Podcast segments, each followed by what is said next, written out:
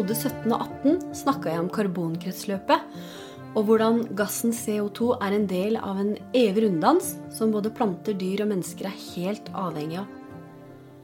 Men så er det også sånn at det kan bli for mye CO2 i atmosfæren. Og det er en del av et større problem som vi må hanskes med i dag. Velkommen til Naturfaghjørnet.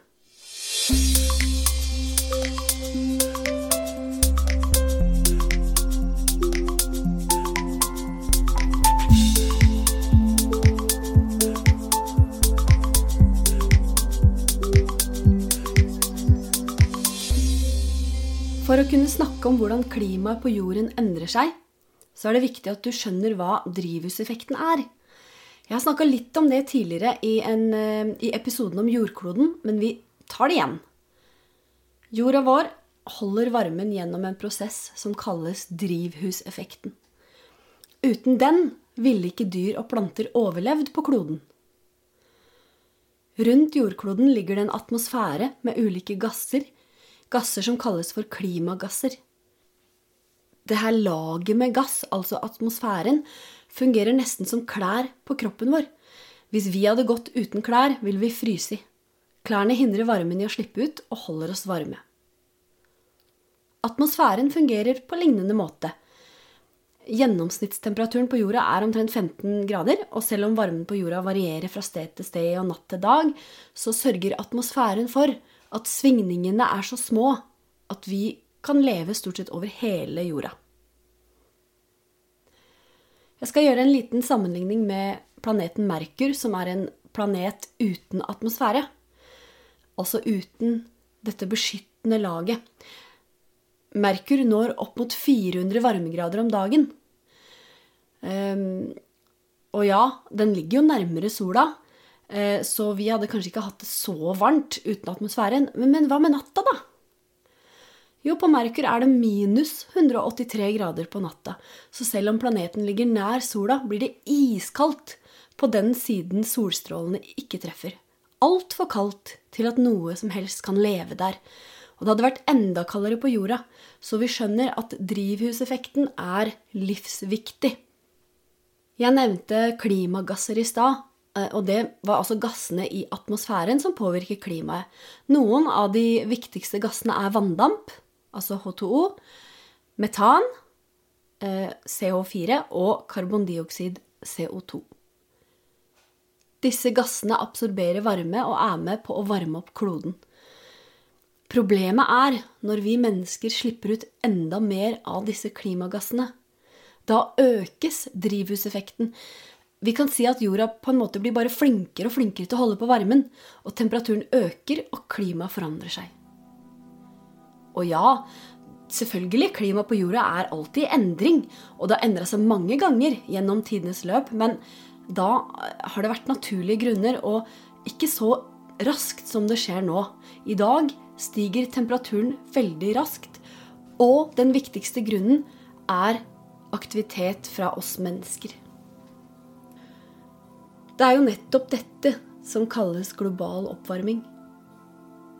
Og jeg skal nå prøve å komme med noen eksempler på hva det er vi gjør, vi mennesker, som forsterker den globale oppvarmingen.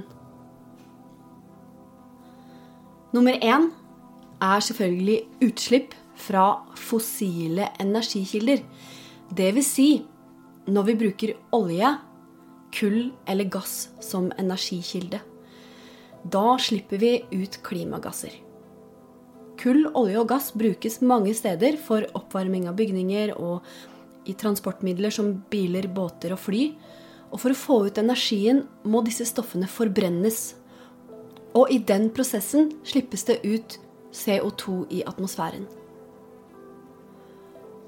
Eksempel nummer to er avskoging.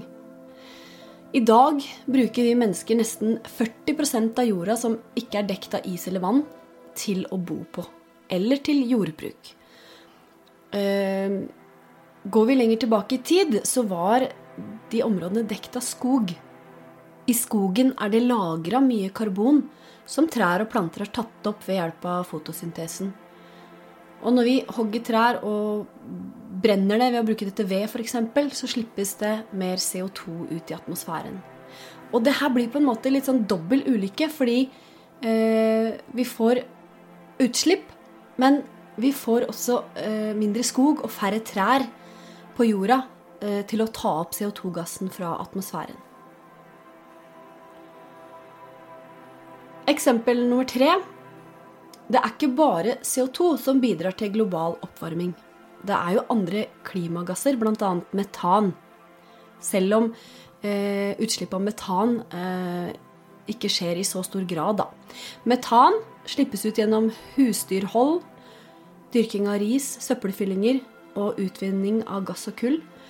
Um, og metan finnes naturlig, altså finnes i naturen, men, men menneskeskapte utslipp øker mengden av det. Eksempel nummer fire er hvordan havisen endrer seg.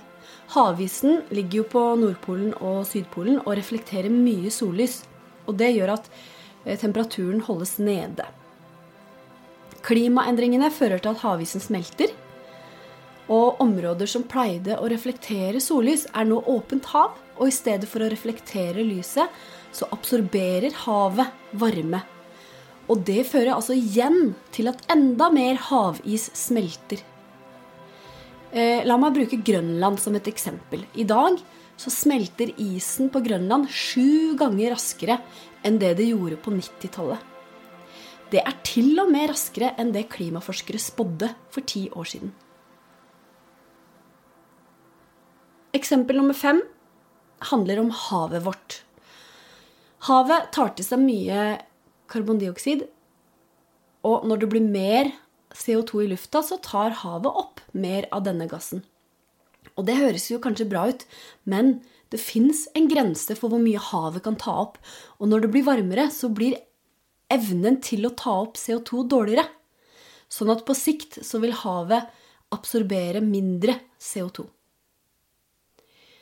Eksempel nummer seks handler om vanndamp.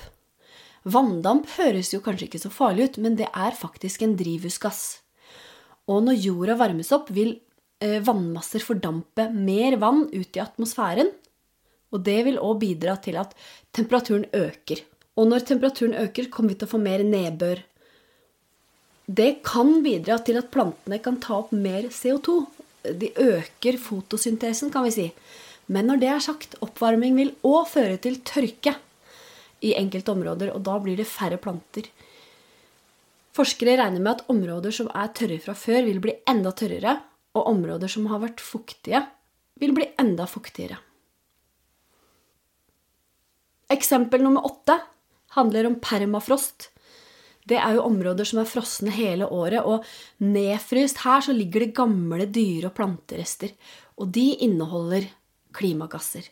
Når isen tiner, så slippes det ut mengder med CO2 og metan. Så hva kan gjøres? Alt det her kan virke skremmende på noen, men vi har mange muligheter til å løse problemene. Jeg skal prøve å komme med noen eksempler. Vi må begynne å bruke energi som ikke slipper ut klimagasser, som f.eks. solenergi, vindenergi og vannenergi. Det finnes forskere som undersøker om det er mulig å ta opp CO2 fra atmosfæren ved hjelp av maskiner. Hadde ikke det vært ganske kult hvis de fikk det til? En gladmelding i den sammenhengen her er jo at næringsliv og bedrifter allerede har tatt tak i problemet og har som mål å lage varer og tjenester som er miljøvennlige. Eh, det er også mange flere som tror på klimaendringen i dag. og Unge mennesker er engasjert og viser vei, og det gir i hvert fall meg håp om at det er mulig å gjøre noe med dette.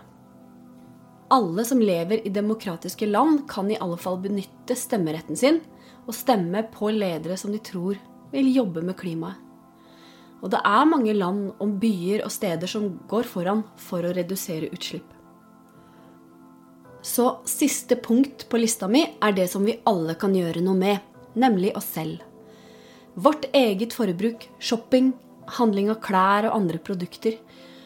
Tenk igjennom trenger jeg det her eller ikke. Kan jeg reparere noe gammelt i stedet for å kjøpe noe nytt? Kan jeg kjøpe kortreiste produkter i stedet for noe som er blitt sendt over halve jordkloden? Kan jeg reise kollektivt? Sorterer jeg søpla? Osv. Dette her veit vi.